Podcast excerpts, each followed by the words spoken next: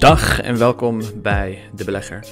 Alweer een tijd geleden dat ik een video plaats, ik geloof bijna anderhalf maand geleden. En in, de tussentijd, als je me op Instagram volgt, dan weet je dat er best wel veel is gebeurd. Een van de leukste dingen die gebeurd zijn, uh, of gebeurd is, uh, is dat ik verloofd ben.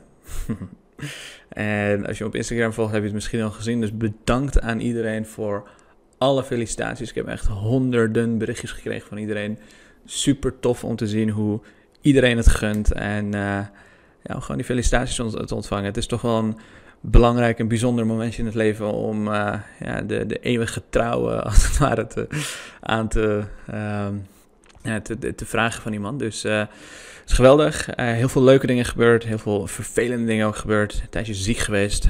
maar hier is hij vandaag. Vandaag ga ik jullie meenemen tijdens deze video in mijn portefeuille. Een aantal wijzigingen die door zijn gevoerd. Ik zal ook hieronder een link plaatsen, zodat je alles in je eigen tijd um, in detail terug kan kijken. Um, maar ik neem jullie mee in uh, mijn portefeuille. Ik zal je ook een overzicht laten zien van de verschillende sectorverdelingen, dat soort zaken.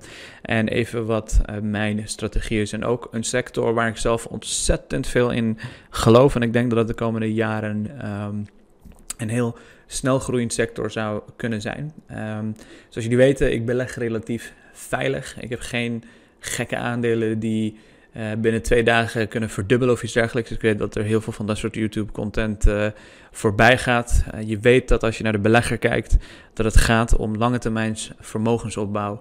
En beleggen in topbedrijven die de wereld veranderen, echt waarde toevoegen en geen onzinnige hypes en dat soort zaken. Dus met dat gezegd hebbende, uh, laten we beginnen. Laten we beginnen met uh, allereerst even een vraag die ik jullie op Instagram heb geplaatst, namelijk waarom ben jij begonnen met beleggen? Want we hebben het hier heel vaak over geld. Um, eigenlijk alleen maar over geld, want beleggen gaat natuurlijk over geld. Um, maar waarom beginnen nou mensen te beleggen? Waarom ben jij begonnen met beleggen? Dat is wat ik de mensen vroeg. En ik, heb, ik zal een aantal voorlezen. Um, en iemand zegt, op de bank staat het stil en levert het niets op. Jeun die zegt, rente op spaarrekening en voldoende buffer opbouwen. Um, de heer Knop zegt extra pensioen opbouwen. Iemand zegt verveling. Uh, postje voor mijn kinderen later. Um, van financieel onafhankelijkheid uh, zie ik heel vaak voorbij komen. Uh, financieel intelligent worden zie ik soms wel eens voorbij komen. Heel vaak vermogen opbouwen. En dat laat mij dus ook zien dat beleggen eigenlijk alleen maar over je toekomst gaat.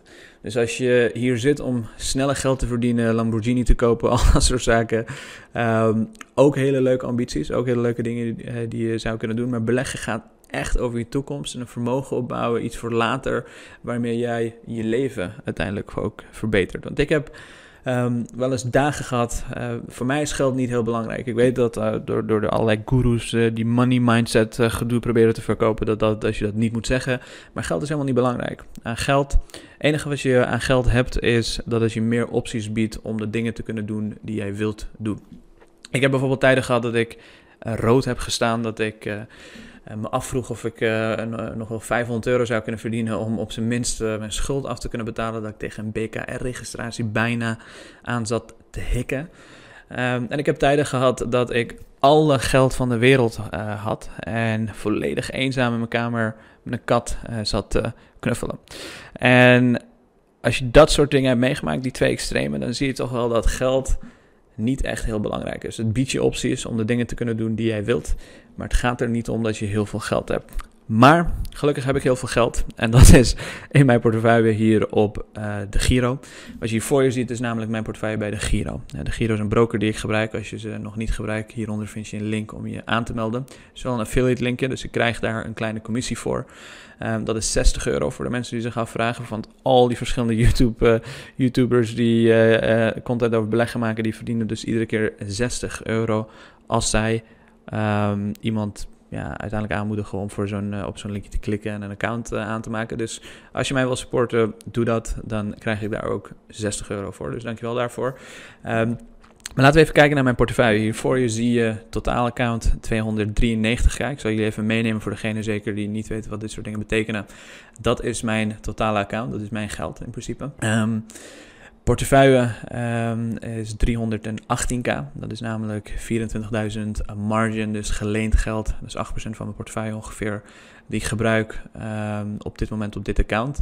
Totale winst 156.000 euro. Een vrije ruimte 115.000 euro die, die ik nog extra bij zou kunnen lenen als ik dat wil. Maar dat ga ik natuurlijk nooit doen, want dat is belachelijk.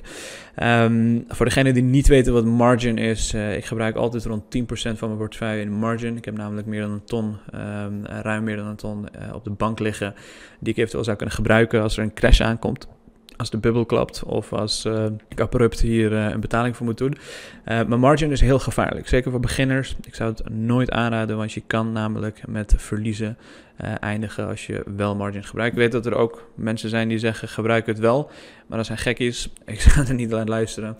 Um, als beginner zorg dat je met je eigen geld belegt die je kunt missen.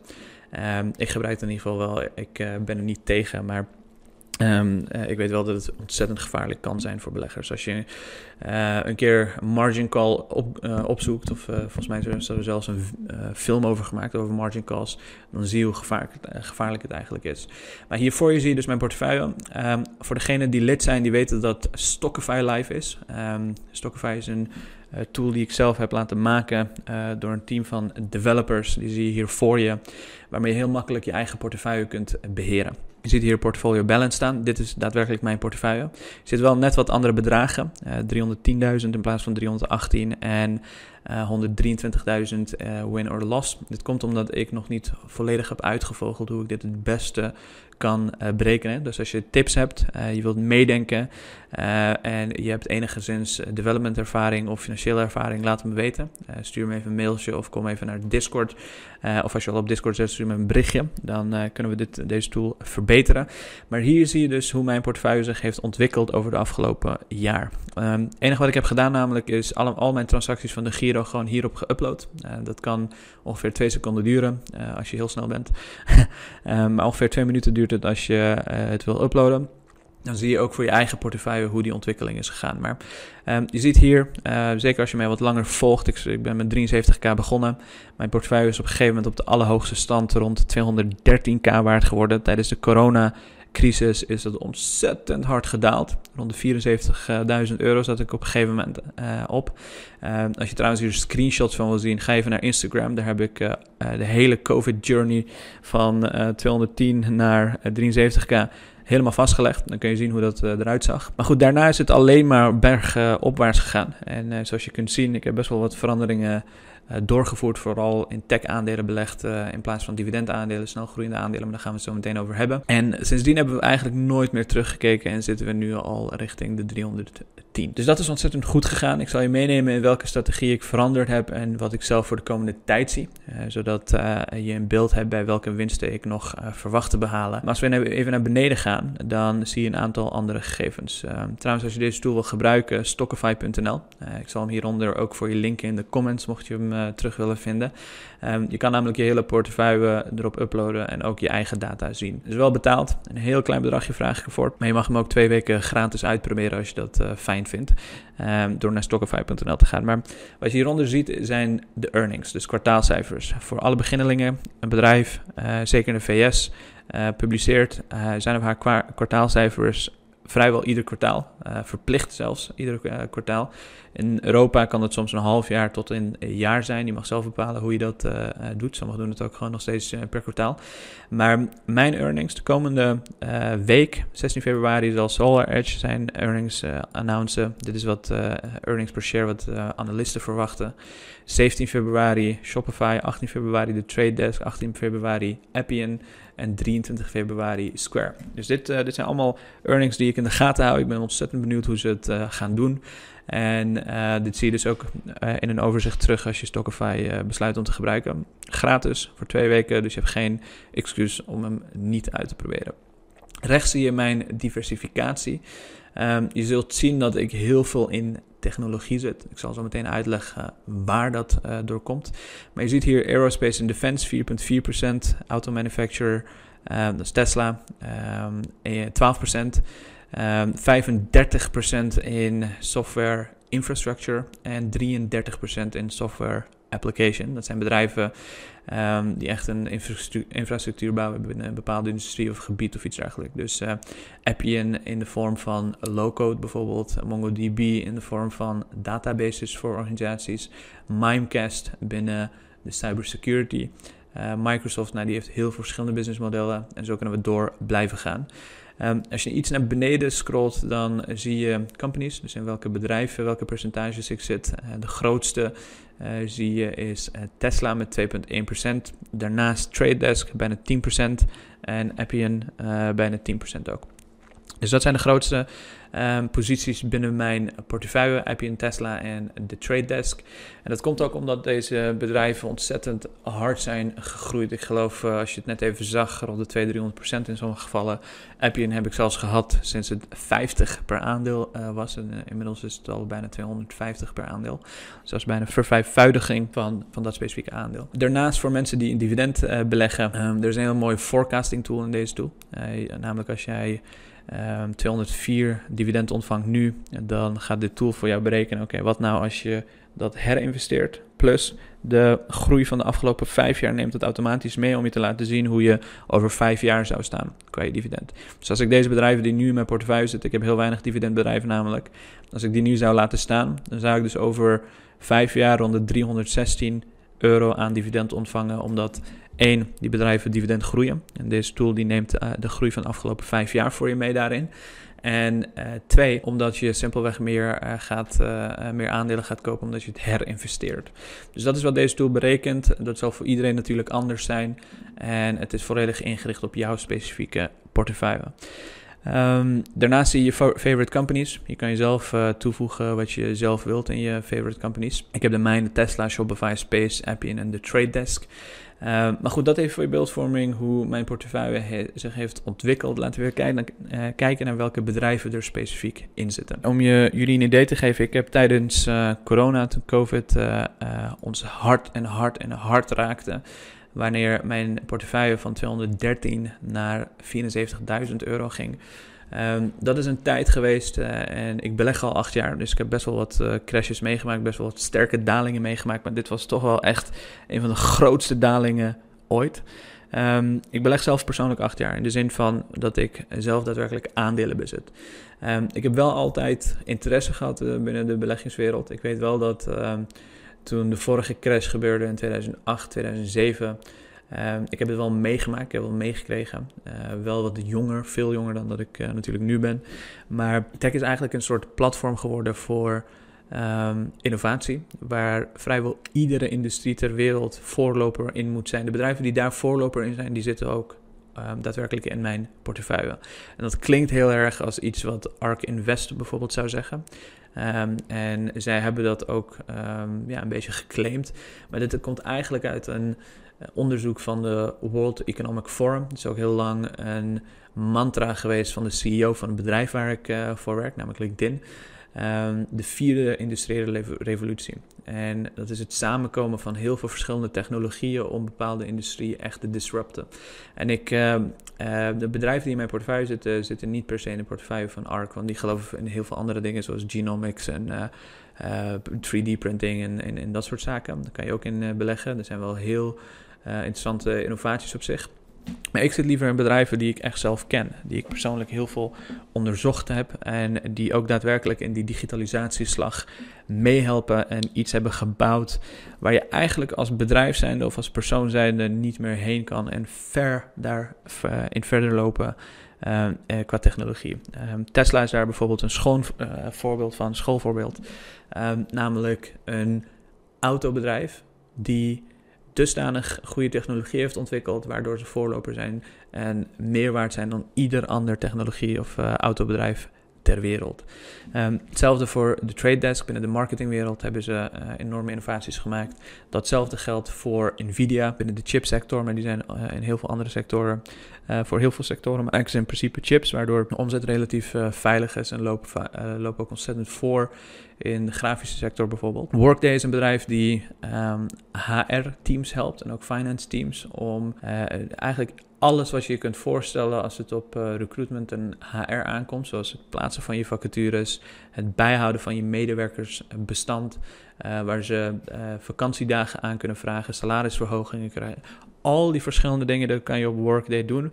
En ik werk zelf persoonlijk in die sector en ik zie ook um, vrijwel ieder grote bedrijf het gebruiken, omdat het zo gebruiksvriendelijk is tegenover bijvoorbeeld een Oracle of een ADP, die eigenlijk precies hetzelfde proberen aan te bieden. En dat zijn bedrijven die, denk ik, veel uh, minder waard gaan worden in de toekomst. En een bedrijf als Workday, die gaat daar massaal in groeien. Shopify, ik denk dat het bij heel veel mensen bekend zijn. Een bedrijf als Salesforce, CRM, uh, eh, oftewel tickersymbol CRM. Dat is een bedrijf wat, uh, waarvan ik echt verwacht dat ze de komende uh, tien jaar nog enorme, enorme groei gaan meemaken.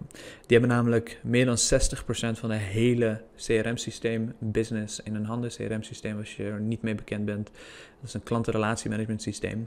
Um, daarbuiten doen ze ook heel veel andere uh, zaken hoor. Maar dat is wel waar ze bekend om staan. Dat is ook uh, hun tickersymbool uh, namelijk. Maar of er nou een crisis is, het, maakt niet uit wat er gebeurt in de wereld. Je gaat niet zomaar je CRM-systeem weggooien en iets anders gebruiken. Want je hele hebben en houden, je hele organisatie zit eigenlijk in je CRM-systeem. Um, zelfs tijdens een uh, crisis, zoals COVID, zal het voor een bedrijf desastreus zijn om van een CRM-systeem te wijzigen. Zelfs al zouden ze dat willen, dan kan het soms twee, drie jaar duren voordat je een heel ander customized CRM-systeem hebt. Zeker voor de grote organisaties en die zijn allemaal vrijwel klant bij, uh, bij Salesforce. Concurrenten uh, zijn bedrijven als Microsoft en een aantal andere organisaties en die, die lopen relatief ver achter uh, qua technologie. Um, maar zo kunnen we nog een tijdje doorgaan. Ik zal uh, hieronder een link plaatsen waar je alles wat er in mijn portefeuille zit um, kunt bekijken. En ik zal ook over de loop van jaren heen um, regelmatig video's plaatsen over al deze bedrijven, waarom ik ze bezit en wat ik nog in de komende tijd van ze verwacht. Natuurlijk ook extra aankopen. Last but not least, misschien goed om even bij stil te staan. Kijk, um, ik kreeg ook een vraag doorgestuurd van een van de kijkers. Uh, Niek heet hij. Ik zal even zijn vraag uh, afspelen. Hey Rabi, ben Niek hier. Als allereerst wil ik je even de allerbeste wensen wensen voor het nieuwe jaar. En wil ik jou ontzettend bedanken voor alles wat we al voor jou hebben mogen leren. Uh, en daarbij had ik natuurlijk ook een vraag. Want ik zag jouw supermooie video over hoe word je miljonair en wat is mijn plan daarbij.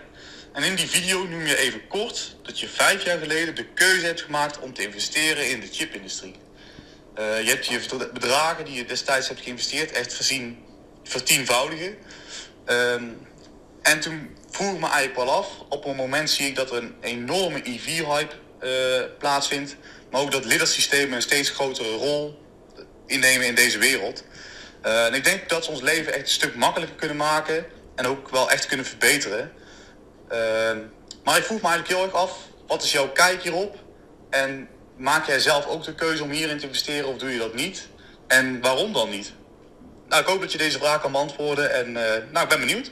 Nou, bedankt voor je vraag, uh, Niek. Bedankt voor het uh, doorsturen van je vraag via Instagram, via een voice clip. Uh, want dan behandel ik ze namelijk altijd via zo'n video zoals deze. Um, maar dat is een hele goede vraag. Namelijk waar hij op doelt is, ik heb tijdens mijn video gezegd dat ik in AMD en Nvidia bijvoorbeeld heb belegd vijf jaar terug. Een groot gedeelte van mijn vermogen komt ook van die twee investeringen. Ik had redelijk, relatief kleine bedragen geïnvesteerd. Ik geloof 7000 hier en 8000 daar. En die twee bedrijven die zijn dus letterlijk tien keer meer waard geworden binnen vijf jaar tijd. En hij vraagt mij, zie jij dat ook gebeuren binnen de groene sector? En de, als je kijkt naar, um, dus laten we even zo, la, laat ik zo beantwoorden. De beste tijd om te uh, beleggen in groene aandelen en dan vooral laadpalen, elektrische auto's, et cetera, was twee, drie jaar geleden.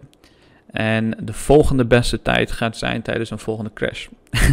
ik ben relatief snel bij Tesla geweest, bij Solar Edge en bij Alphen. Alphen heb ik zelfs bij 14 per aandeel geloof ik gekocht. Inmiddels is bijna 90 per aandeel uh, waard. Um, ik ben daar relatief vroeg bij geweest. Maar ik denk dat je nu wel echt tegen een, uh, een ja, het zal waarschijnlijk een paar mensen iets eh, raken, maar tegen een bubbel aan zit binnen de groene sector.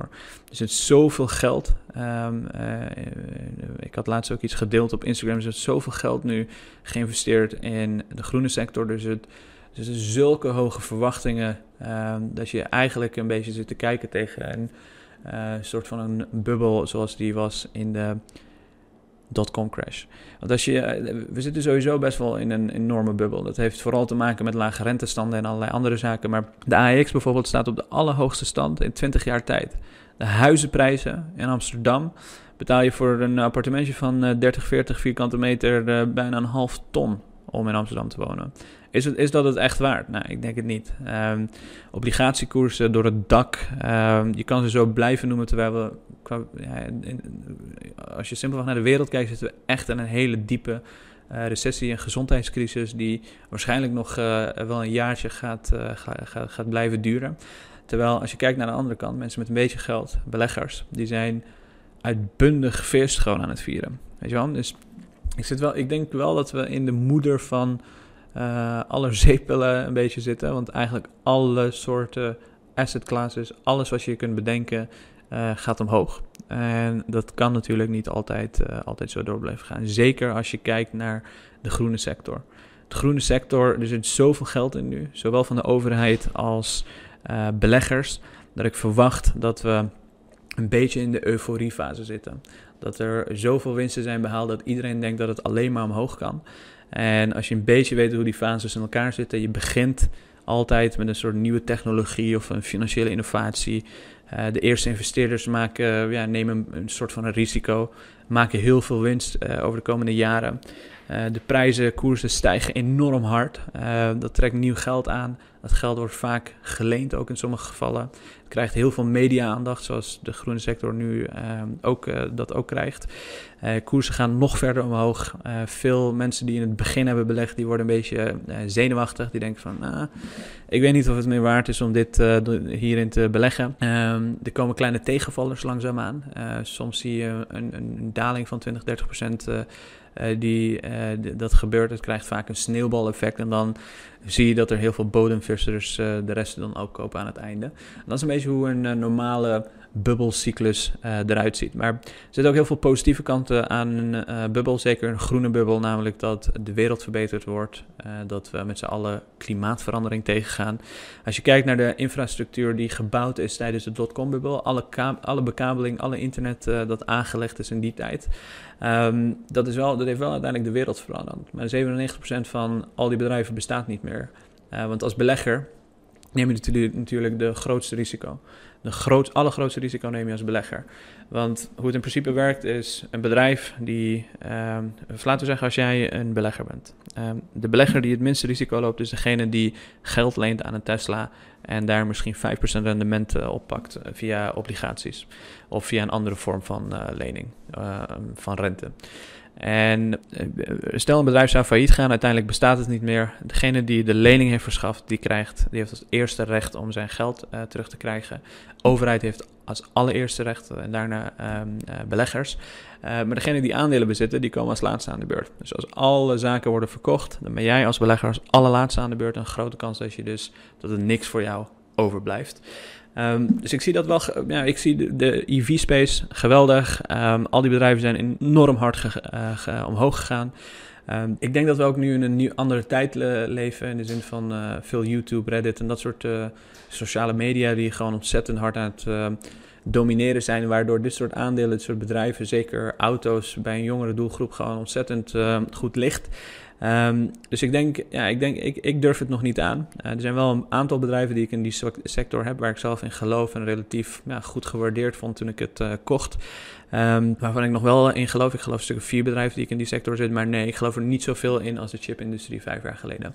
Um, maar een andere industrie waar ik wel in geloof en waar ik wel verwacht dat in de komende vijf jaar of misschien wel tien jaar ontzettend veel groei in zit. Die zit nu ook in mijn portefeuille. Als het goed is en je bent al lid en je kan mijn transacties zien en welke verkoop en aankoop ik doe. Um, dat kan je doen door naar de belegger.nl slash lid worden te gaan. Um, dan heb je dat ook meegemaakt en gezien. Namelijk heel veel cybersecurity bedrijven. Want als je er dan over nadenkt, hè, uh, als we teruggaan naar de World Economic Forum. Dus wat zij zeggen over de vierde industriële revolutie. Dat technologie een platform is geworden dat vrijwel iedere sector daarin moet gaan innoveren. Um, dat is um, een constatering dat eigenlijk een tweede seculiere of seculaire trend met zich meebrengt. Dat is namelijk cybersecurity. Ieder bedrijf moet zichzelf beschermen. Uh, of dat nou e-mails uh, zijn of een andere type infrastructuur dat beschermd moet worden. Um, die zullen cybersecurity ontzettend hard nodig hebben. Sterker nog, ik denk dat als je tien jaar vooruit kijkt, dat de komende oorlogen, of dat nou tussen China is, VS of uh, Rusland, noem het maar op, al die zaken gebeuren tegenwoordig allemaal online. En cybersecurity, als je kijkt naar de aandelen die ik heb gekocht, er zijn ook heel veel grote bedrijven die zou kunnen kopen. Ik zit in relatief kleinere bedrijven waarvan ik verwacht dat uh, ze veel groeien, uh, waar veel groei in zit. Dat zijn allemaal bedrijven met belachelijk hoge marges. Bijvoorbeeld een bedrijf als Qualys uh, met 76% marge. Um, een PI van 35, groei van rond de 12%. Um, dat zijn cijfers waar ik echt heel warm van word. En zeker als het binnen zulke kritieke um, industrie zit, die gewoon voor de wereld zo belangrijk is en steeds belangrijker gaat zijn en gaat worden. Je ziet tegenwoordig steeds meer hacks. Je ziet ontzettend veel voorbij komen over cybersecurity. Dus ik geloof hier echt ontzettend hard in. En naar mijn idee zullen er ook een aantal winnaars en bedrijven zijn binnen de cybersecurity space die de komende jaren ontzettend hard zullen gaan groeien. Ik heb besloten om een aantal cybersecurity aandelen te kopen. Die zul je ook straks uh, terugvinden als je uh, hieronder de link gebruikt om uh, mijn portefeuille volledig in te kunnen zien. Um, maar er zijn ook heel veel heel veel grote bedrijven die zou kunnen doen. Die zouden eventueel nog kunnen overwegen om verschillende ETF's aan te kopen. Dus een mandje vol met cybersecurity aandelen. Maar ik denk dat dat uh, de grootste of nou, in ieder geval de meest waardevolle industrie gaat worden de komende vijf of tien jaar. En ik zal ook kijken welke andere aandelen ik naast de huidige die ik nu al heb um, ga aanschaffen binnen dit specifieke sector. Dus met dat gezegd hebben, hopelijk vond je dit een eh, interessante, leerzame eh, aflevering. Laat hieronder even een comment achter en zorg dat je hem ook op Instagram volgt voor dagelijkse updates. Dank voor het kijken.